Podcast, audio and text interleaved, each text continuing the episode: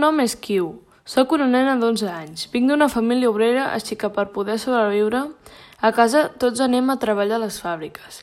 De dilluns a dissabte em llevo a les 3.45 de la matinada per poder preparar-me i menjar una mica de pa, ja que a les 4 i quart de la matinada he d'entrar a la fàbrica a treballar.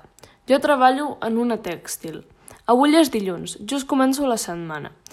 I ja, i ja vull que arribi divendres per no haver d'anar a treballar, ja que els dissabtes i diumenges vaig a l'escola a aprendre a escriure i llegir. A les 4 surto ràpid de casa ja que no vull arribar tard a treballar. Pel camí vaig pensant en com serà el dia d'avui, ja que moltes vegades passen accidents a la fàbrica i la gent surt ferida o fins i tot mor per culpa de les màquines.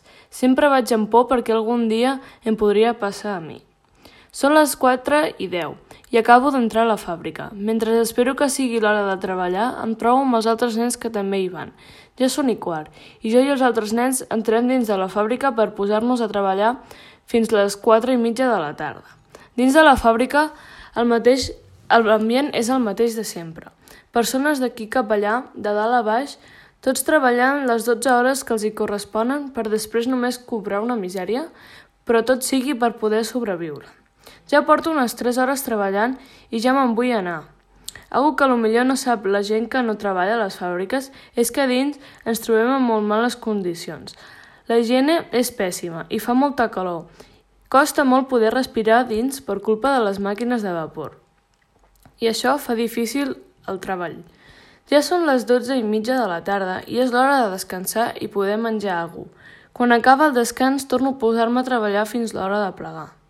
A les quatre i mitja de la tarda ja és hora de, de plegar de la fàbrica.